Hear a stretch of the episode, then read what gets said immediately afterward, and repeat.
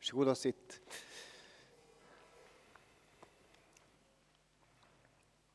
Det brukar vara härligt att se vilka som är här. Man sitter vänd med ryggen. Kul att se er. Härligt att ni är här. Mår ni bra? Bra. En del mår inte så bra kanske. Då ska vi ha förbönstund sen, lite senare. Det har vi alltid i gudstjänsterna. Ska vi be mer. Idag så är det val. Har ni röstat? Är det någon som får rösta för första gången här eller? Ja, titta, det är några i den ålderskategorin. Eller att man har flyttat till Sverige och blivit svensk medborgare. Härligt! Vi, eh, har ni redan röstat allihop eller? Nej, det är någon som är kvar. Man vet, det finns tid att ändra sig efter den här predikan om det, om det handlar... Man vet ju aldrig vad som händer. Det finns alltid tid att ändra sig. Eller i varje fall till klockan åtta idag. Ehm, så här är det, jag ska tala om val, om bibliska val. Jag ska inte gå in på politiska val. Jag ska tala om bibliska val. Hur du gör val i livet eh, som är i enlighet med Guds ord, med Bibeln, med din gudsrelation. För jag tror att det är så viktigt.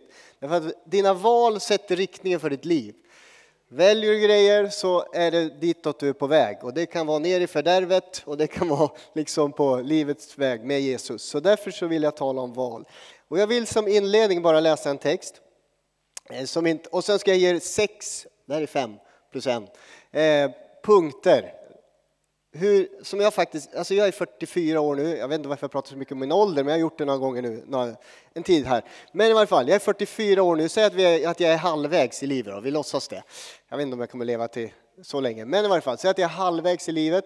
Så jag tycker mig ändå kunna säga att jag har eh, en del, faktiskt en del vishet efter det kanske låter stort, men jag tycker faktiskt, ja det låter stort tycker jag man tycker aldrig, men jag tycker ändå jag har lärt mig lite under livet om val, om val jag har gjort och, och sett, oj det här gick ju bra därför att jag gjorde de valen. Så jag kommer att försöka dela med mig lite om min vishet. Sen finns det en del här som är mycket mer visa än mig, det är inte det det handlar om, men jag försöker dela med mig av min halvvägs i livet visdom.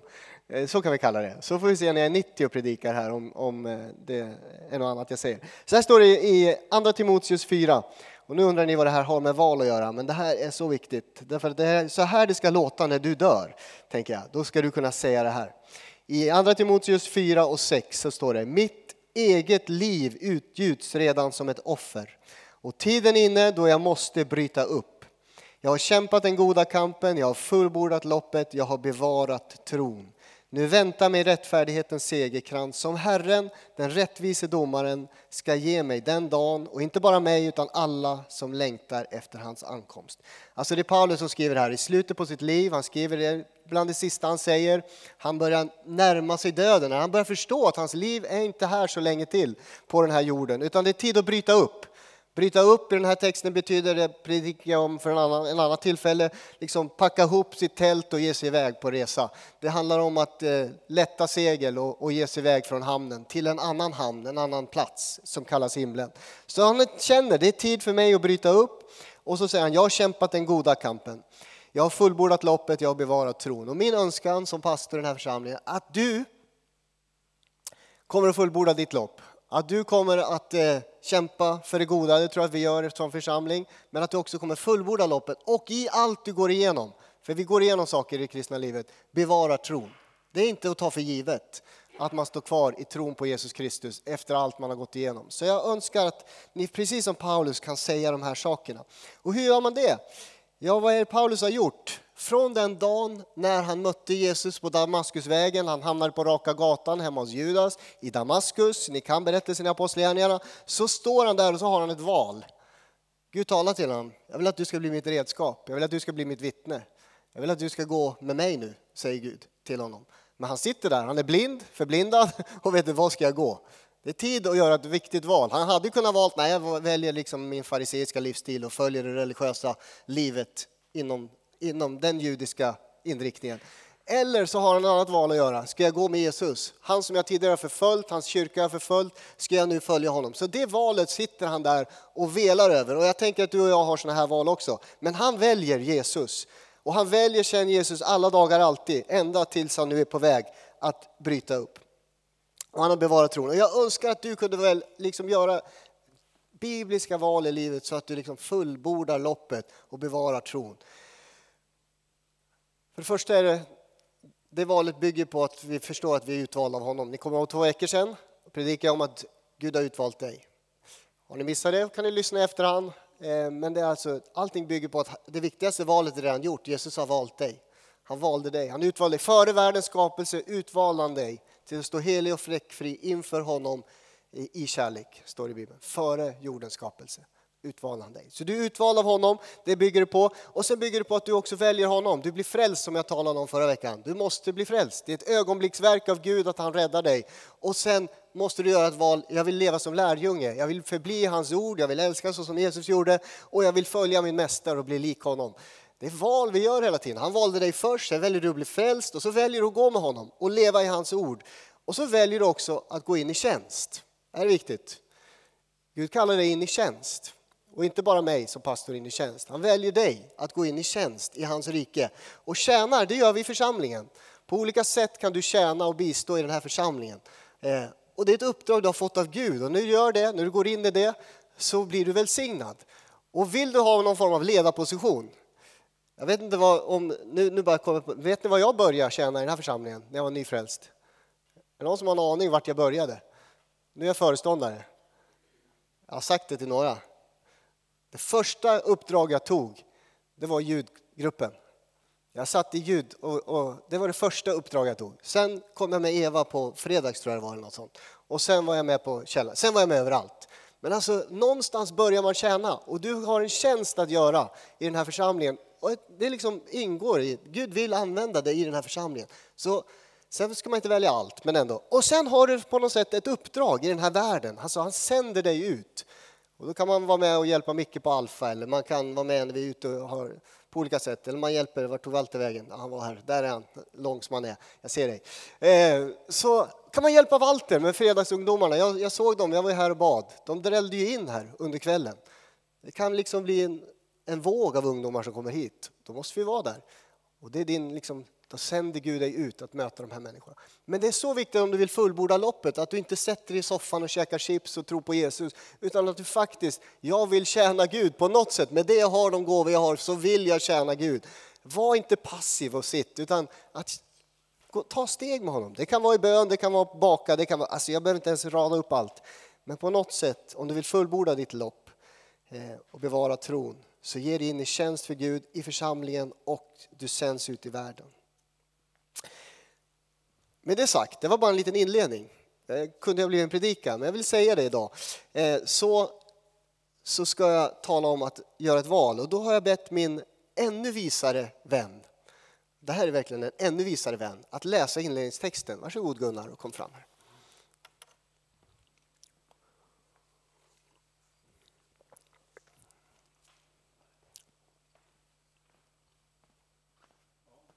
Visserligen har jag 40 år till, men Ja. Och det är du. Det är från Ordspråksboken 2. Lyssna nu. Ja, just det. Varje ung man som lyssnar till mig och följer mina råd kommer att bli vis och få ett gott förstånd. Ja, om du vill ha större insikt och omdöme och söker efter detta på samma sätt som du söker efter pengar du tappar eller glömda skatter. Då ska du få vishet och kunskap från Gud. Du kommer snart att lära dig vikten av att ära Herren och lita på honom. För Herren ger vishet. Alla hans ord är skatter som ger kunskap och förstånd.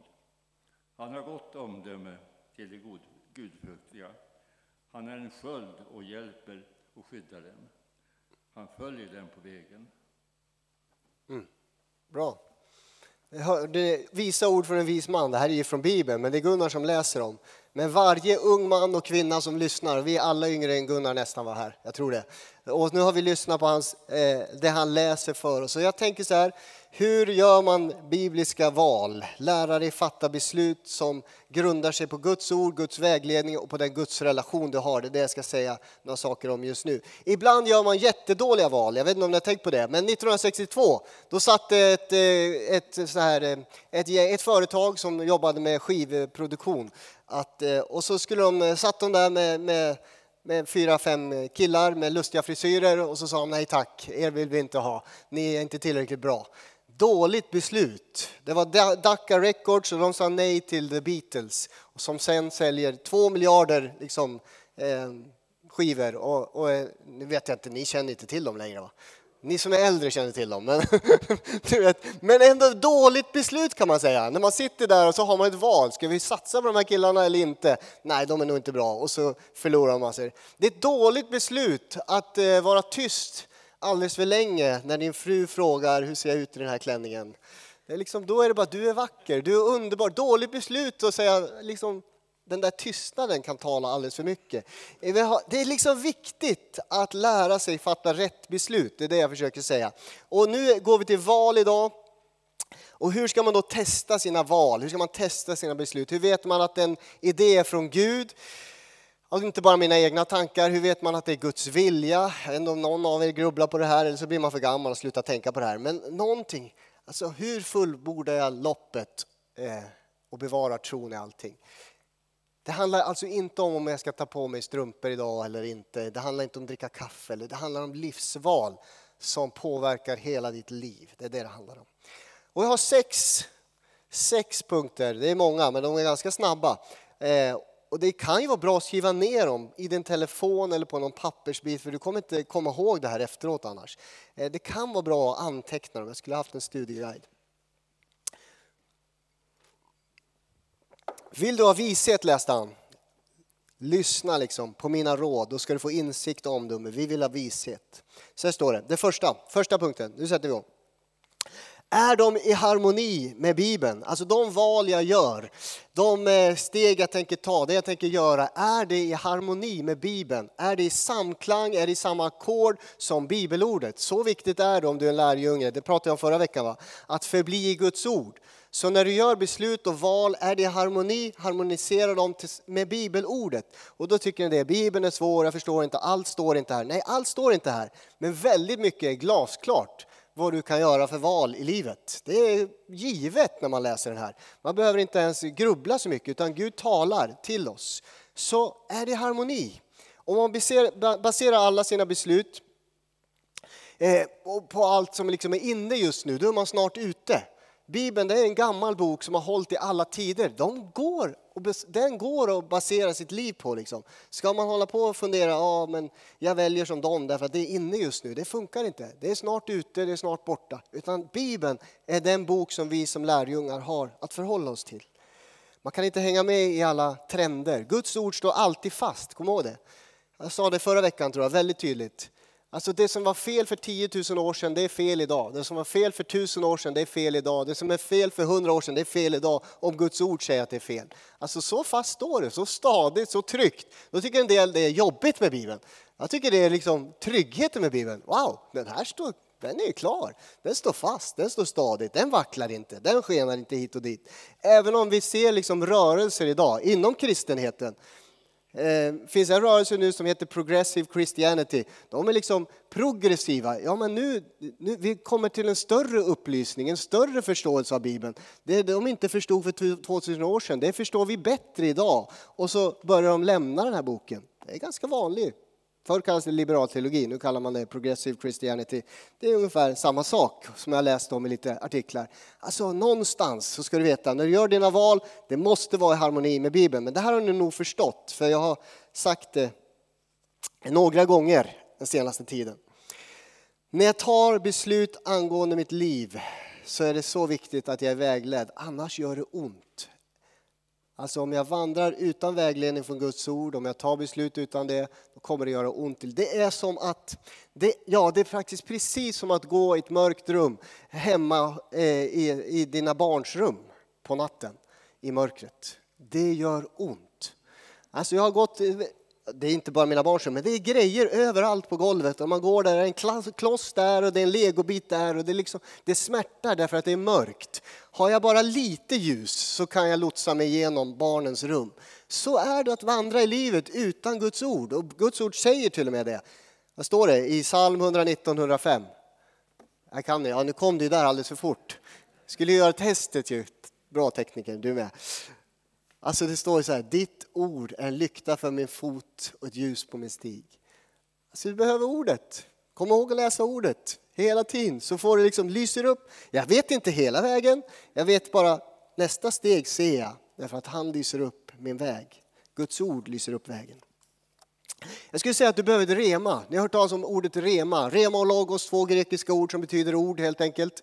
Rema betyder att det är ett specifikt tilltal till dig in i din situation som du just nu kämpar med. Så behöver jag behöver höra från Gud. Du behöver ha ett rema, alltså att Gud talar ur sin skrift in i ditt liv. Och rema skapar alltid tro. När Gud talar genom ett sådant tilltal, då får man tro för att kunna våga ta nästa steg.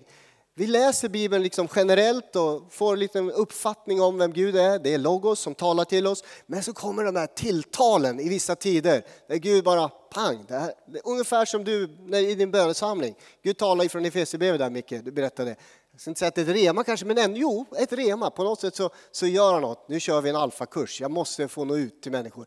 Alltså på något sätt sätter det oss i rörelse. Och vi behöver så ofta när vi gör val få de här tilltalen. Jag tänker att Paulus när han sitter där i sitt mörker så får han ett tilltal från Gud. Eh, du ska vara mitt redskap, du ska vara mitt vittne. Eh, vill du gå den vägen? Och så sitter han, det är som ett rema. Ska jag våga gå? Tilltal i hans liv så han vågar faktiskt gå rakt in i sin specifika situation i mörkret han befinner sig i. Vi behöver det och behöver ha ordet hela tiden. Ibland är det svårt att förstå Guds principer, jag vet inte om ni tycker det, eller Guds vilja när man är 15 år, träffar världens finaste tjej. Du får tänka nu om du är kille och 15 år, träffar världens finaste tjej. Varför ska vi inte ligga med varandra? Det kan faktiskt en 15 år fundera på. Alltså jag är byxmyndig, kommer ihåg det när ni var i den åldern? jag är byxmyndig, vad betyder det? Du är inte alls mogen för att ha en sexuell relation, ska jag säga. Men någonstans, nu sitter jag och pratar jag nästan bara det är äldre här människor här, men alltså någonstans så är det så. Men, åh, varför vill Gud inte att vi ska ha sån härlig kärlek med varandra? Varför ska jag inte göra som RFSU och prova lite här och prova lite där och ligga lite runt och ha en KK och allt vad det handlar om? Alltså, eh, Gud verkar inte fatta någonting, han är tråkig. När man är 15 år kan man ha den inställningen. När man är 40 som jag så börjar man ana varför. Eh, hur mycket det ställer till i vår värld när man ligger runt lite här och lite där. Hur mycket intriger, hur mycket eh, splittring, hur mycket eh, liksom tjafs det skapar. Bara när vi var ute och vittnade på Polan visar här mot småtimmarna när folk började åka hem. Jag vet inte hur många intriger som jag kunde stå, jag var ju nykter, stå och lyssna på som handlade om att en man hade tagit på en annans kvinna. Bråken var liksom polisen och ordningsvakterna fick höra. Åh, var är han? Han tog på min tjej!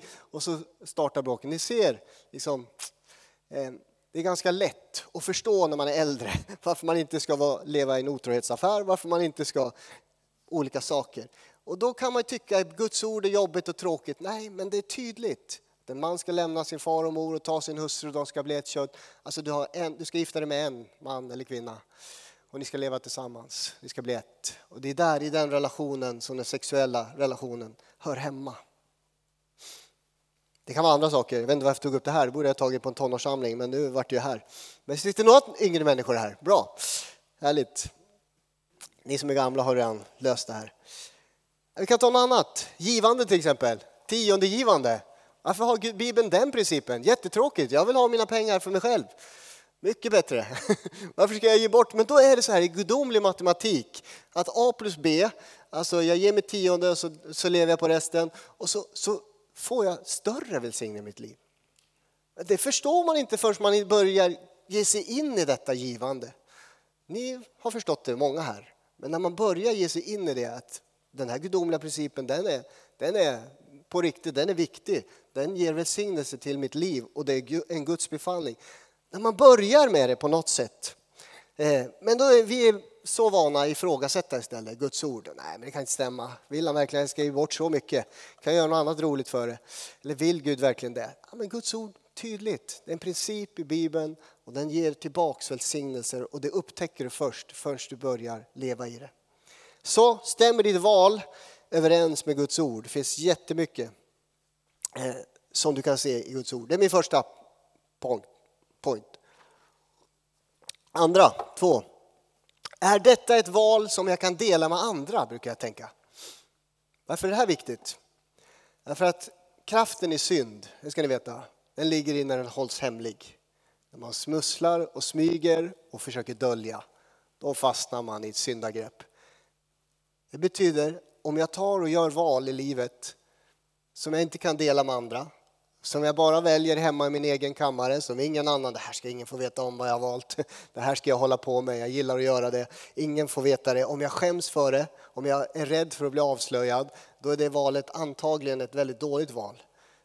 Men man kan dela det med andra. Det kan bara vara din fru eller din bästa vän, men ändå, det här är ingenting som jag smusslar med, gömmer, för jag gör och väljer det här i livet. Det är inget beslut som jag vågar dela med andra. Då finns det någon form av befrielse i det. Jag kommer inte det betyder, jag skulle säga att det är som ett integritetstest. Som att, att ditt privatliv och ditt liv i offentligheten håller ihop. Alltså den du är hemma i kammaren när ingen annan ser på, de val du gör där, de håller när du är ute bland människor. Om du skulle bli avslöjad. Det var någon som, eh, det är alfamaterialet tror jag, det är någon berättelse om någon som eh, skickade telegram, det gör vi inte idag. Så ni förstår, det är en helt annan tid. Han skickade telegram till sina bästa vänner. Då skrev han, fly landet, allt är avslöjat. Och flera av hans vänner, det var ju skämt, flera av hans vänner packar ihop grejerna och flyr landet. Alltså de hade något där i bagaget som de försökte dölja. De blev rädda att bli avslöjade. På något sätt har de gjort val som gör att de är rädda att bli avslöjade. Som kristen så gör du val som du faktiskt kan dela öppet med andra. Det behöver inte vara alla, men med några. För börjar du smyga, smussla, att du inte är densamma hemma när du är ensam som du är bland folk, då kan man fundera. Så här står det, Jakob 4.17. Kom ihåg att, när, att ni syndar mot Gud om ni vet hur ni bör handla men inte gör det. Alltså jag vet vad som är rätt väg att gå. Jag vet det här kan vara synd om jag väljer det här. Eh, och du syndar om du inte gör det som är det rätta. Enligt mitt samvete vet jag vad som är rätt att göra. Och så gör jag inte det, då är det synd. Det var det andra. Jag går framåt fort. Trean. Kommer det här valet göra att jag växer som människa eller lärjunge? Jag talar mycket om växa lärjungaskap och växa? Kommer det här valet jag gör göra att jag växer som lärjunge och människa? Kommer någon form av förvandling ske när jag gör det här valet? Om jag sa så här i början, valet sätter oss i en riktning till fördärvet eller till Jesus. Så kommer det här valet göra att jag växer som lärjunge. Är det någonting som är bra? Valen är ofta så. Någonting som är bra eller är det det bästa som Gud har för mitt liv? Alltså det är inte så många val som är mellan något jättedåligt eller något jättebra. Har ni tänkt på det? Utan ofta är valet mellan någonting bra eller det bästa som Gud har för dig. Jag vaknar inte upp på morgonen och så sätter jag inte där och så funderar jag, ska jag läsa Bibeln idag eller ska jag bli internationell terrorist? Det har aldrig hänt att jag gör ett sånt, väljer, ska jag be idag eller ska jag börja missbruka heroin? Eller hur? Vi är inte på den nivån när vi gör val. Så därför är ju valen jättesvåra. Det handlar ju alltid, det här kan vara bra för mig, men Gud kanske har en bättre väg när jag gör valet. Det är det jag försöker få fundera, fundera över. Liksom, är det här någonting jag kan dela med andra? Kommer det här göra mig till en bättre människa eller lärjunge? Första Korintierbrevet 10.23 står det så här. Allt är tillåtet, men allt är inte nyttigt. Allt är tillåtet, men allt bygger inte upp. Alltså den frihet som, som finns i Kristus, det finns så mycket frihet att följa Jesus. Det finns så mycket val du kan göra, massa roliga saker, det behöver inte vara fel. Eh, men de är ändå inte nödvändiga för att bygga upp mitt liv eller föra mig till, till att bli mer lika Jesus. Jag gör en massa val som inte för mig närmare Jesus. Det är bra val, det är bra saker, det är roliga saker. Det jag talar om är, kan jag göra val som gör att jag faktiskt blir lik min mästare? Som präglas mer av andens frukt, av andens liv tillsammans med honom. Jag gillar att titta på cykel. Är det någon som tittar på cykel? Nej. Väldigt ensam. Alltså, jag tittar på cykeltävlingar på tv. Ja, ni vet. Och då kan man ju tänka så här, cykel är ju inget dåligt. Det tar väl, en tävling tar fyra, fem timmar. Eh, och ibland sänds hela tävlingen på Eurosport. Hela tävlingen, fyra, fem timmar. Det här var lite före jag var gift och hade fyra barn. Men jag kunde sitta och titta på fyra, fem timmars cykeltävling. Och då kan man tänka så här, är det dåligt för mig? Ja, det kan vara bra och dåligt att titta på TV, men det är ju inte ett dåligt val att sitta där. Men det finns ju bättre val att göra. Eh, är det synd? Nej, det är inte synd heller. Sen kommer jag till en tid när jag gifter mig och så har jag Julia där hemma och så sitter jag och tittar på de här cykeltävlingarna och så märker jag att eh, de tar väldigt mycket tid. Julia gillar inte alls kommentatorns röst, men jag, jag börjar längta efter att höra Roberto Vackis röst mer än min hustrus röst. Då börjar det bli synd. Då börjar det bli ett felval i livet. När jag längtar efter att få sitta och lyssna på Roberto Vacchi, han är Sveriges bästa kommentator eh, när det gäller sport. Eh, och när jag får lyssna på honom när han kommenterar cykel, det är som ljuv musik. Ibland slumrar jag till och sen är Roberto Vacchi där igen och det är härligt. Och när jag börjar längta efter det, jag förstår vad jag menar. Det är inte dåligt på något sätt, men det har tagit makten över mitt liv totalt. Jag vill vara och lyssna på Roberto Vacchi.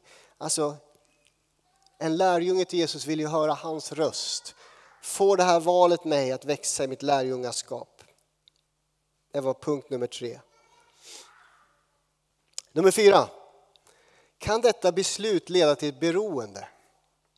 Alltså det val du gör idag, kan det leda till att du hamnar i ett beroende? Vi är ju beroende människor allihop, vi har lätt att fastna i beroenden, så är det.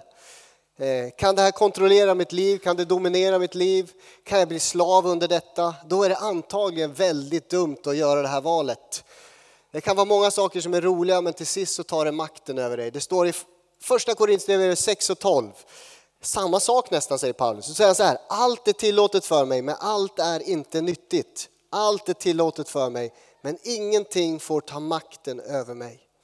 Är det några val du har gjort i livet som till sist har fått tag i makten över dig, då måste du fundera.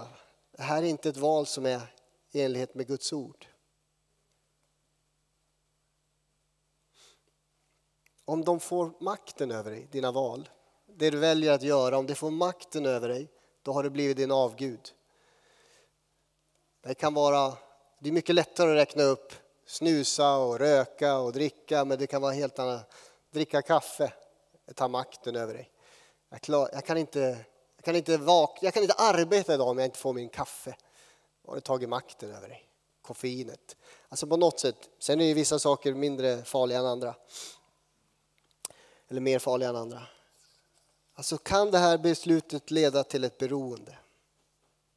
Även om det är tillåtet för mig så väljer jag inte det för jag vill inte att det ska ta makten över mig. Endast Jesus äger lärjungens liv. Bara han är värdig att få ditt och mitt liv. Nummer fem. Det här är, diskuterar man lite när jag studerar, men kommer andra människor skadas av detta val? Det är bra att fundera på när man gör ett val. Påverkas andra människor och tar skada av det här valet? Det, är inte lätt. det kan vi fundera nu när vi är i valtider. Det här är jättesvårt, för det handlar om etik. Jag väljer det här och det skadar några stycken men det räddar eh, fler. Så kan, så kan ju vissa val vara, oerhört jobbigt. Men kommer andra människor skada? Alltså tänk så många val som vi gör påverkar andra människor runt omkring oss. Alltså det går helt emot svensk och västerländsk eh, idé att jag ska tänka på andra först när jag gör mina val. Utan det handlar ju om faktiskt att förverkliga sig själv och det är, det är, mina val och känns det rätt i mitt hjärta så ska jag göra det och så vidare och så vidare. och så vidare. Alltså en lärjunge förväntas faktiskt tänka lite längre.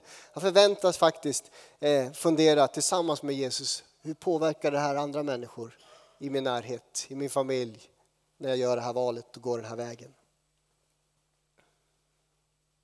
Romarbrevet 14 och 12. Alltså ska var och en av oss avlägga räkenskap inför Gud. Låt oss därför inte längre döma varann, istället ska ni se till att ni inte kommer någon broder att snava eller falla. Jag kan ta hur många exempel som helst. Ta alkoholfrågan. Jag är öppen nu och talar om den. Alltså jag och min fru vi har gjort ett val. Ingen alkohol i vårt liv. Ingen alkohol hemma hos oss. Ingen alkohol dricker vi någonsin. Inte på någon tillställning någonstans, även fast jag inte personligen har några problem med det, så hör inte hemma hos oss. Jag vill inte se att någon annan faller i detta. Alltså någonstans gör man ett val, för man vill inte att bröder och systrar och andra ska snava. När, när jag studerade på, det har jag sagt förut, när jag studerade i Örebro i min, min klass, några av oss tog de här besluten att leva helt nyktra, aldrig alkohol. Andra sa nej, vi måste vara ute på baren och hänga för att nå människor. Och så hängde de där och så drog de ner varandra i skiten. En del fastnade i alkoholberoende. Kristna människor pratar jag om nu, inte världen. De tänkte vi ska hänga här ute och nå människor med evangelium och går hem och super. Eh, vad jag försöker säga är dina val påverkar. Du vill inte låta någon broder eller syster falla. Så hur du väljer spelar roll. Folk ser ditt liv.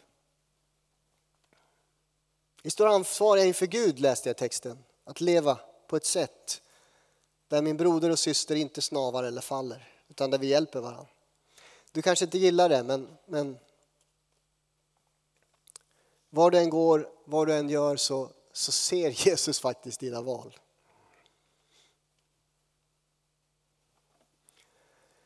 En del påstår att mina val spelar ingen roll för det är bara mina val, det påverkar bara mig. Nej, vi är i samma båt så att säga. Om vi, sitter, vi säger att vi är på havet nu och så sitter vi i båten och så får jag för mig att jag borrar hål i botten. Då sjunker vi allihop. På något sätt så spelar det roll för gemenskapen vad jag väljer att göra. Tänk på hur påverkar dina val andra människor? Sjätte och sista. Är det här valet det bästa sättet som Jesus vill att jag ska leva mitt liv på?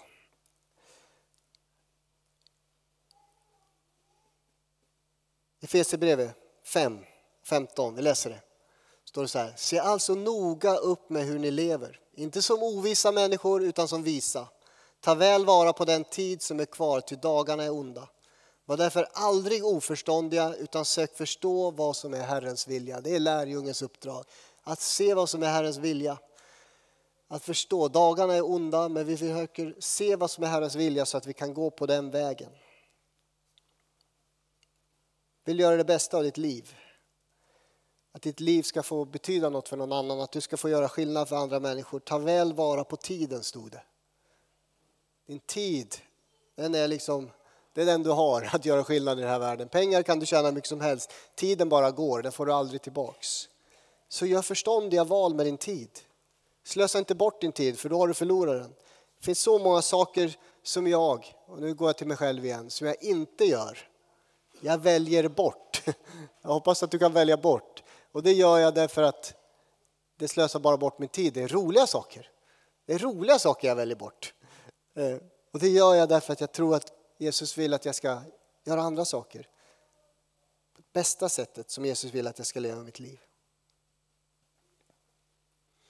Jag gör alltid val som handlar med min, om min gudsrelation. Jag gör val som handlar om min kallelse. Jag, vill, jag gör val som handlar om min familj och min familjesituation. Jag gör val som handlar om hur jag mår. Alltså rent fysiskt och psykiskt. Sådana val är viktiga för mig. Sen finns det en massa roliga saker som jag väljer bort. För jag tror att det inte att det är bästa sättet för mig att leva mitt liv med Jesus.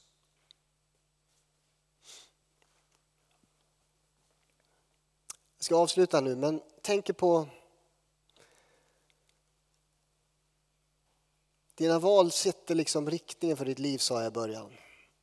Och så tänker jag på, jag skrev ner en mening, om du inte vet var du är på väg, då leder alla vägar dit. Så viktiga är valen. Om du inte har en aning om vart du är på väg i livet, då kan du gå var som helst. Du behöver inte göra några val, du kan bara flumma runt. Så leder alla vägar dit. Du bara glider på, du har inget syfte, ingen mening. Och så upptäcker man i efterhand, jag har slösat bort hela mitt liv. Fråga någon som är äldre, om du har tid att träffa någon äldre som är 80-90 år. Vad skulle du ha satsat på? Vad skulle du ha gjort för val när du var ung? Då får man liksom höra. Det finns så många som känner, livet bara gick och jag slösade bort mitt liv. Sen finns det de som känner, jag har levt fullt ut. Då är det de man ska lyssna till. Vad är det för val de gjorde? Det finns en mening med ditt liv, det finns en kallelse, det finns ett syfte. Det här vi talar om så mycket. Jag ber dig, slösa inte bort det. Du har inte tid att göra allt, men Gud förväntar, dig inte heller, förväntar sig inte heller att du ska göra allt. Den som är vis, stod det i början, läste vi i början, ta väl vara på den tid som är kvar. Försök förstå vad som är Herrens vilja för ditt liv. Är valet det bästa sätt som Gud vill att du ska leva ditt liv på? Har ni skrivit ner sex saker? Det här är ju, det här är ju andakter sex dagar nu framöver Eh, som du ska ha i din personliga kammare. Så ska du ta med dig de här valen. Jag läser upp dem snabbt. Är det harmoni med Bibeln? När du gör stora beslut, viktiga beslut, är det harmoni med Bibeln? Det är det första.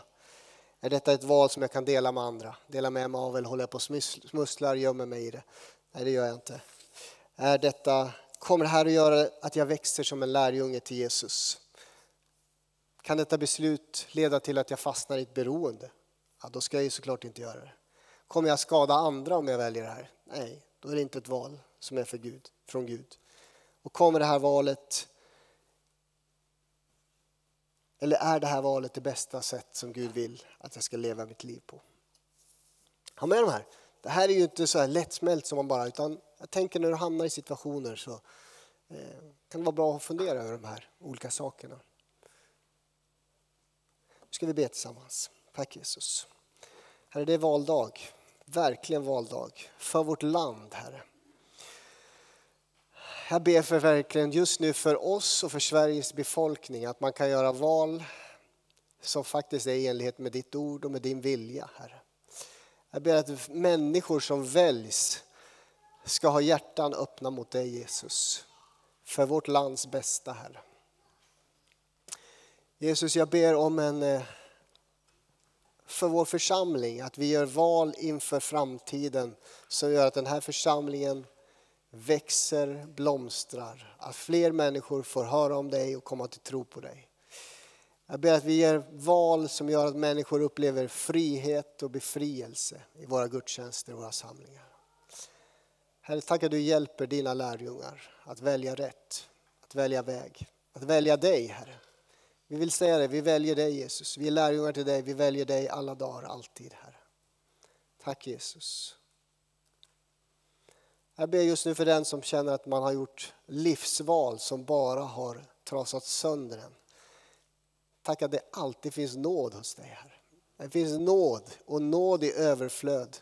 Det finns alltid en ny chans, det finns alltid en ny möjlighet att göra ett nytt val, att välja dig på nytt, Herre.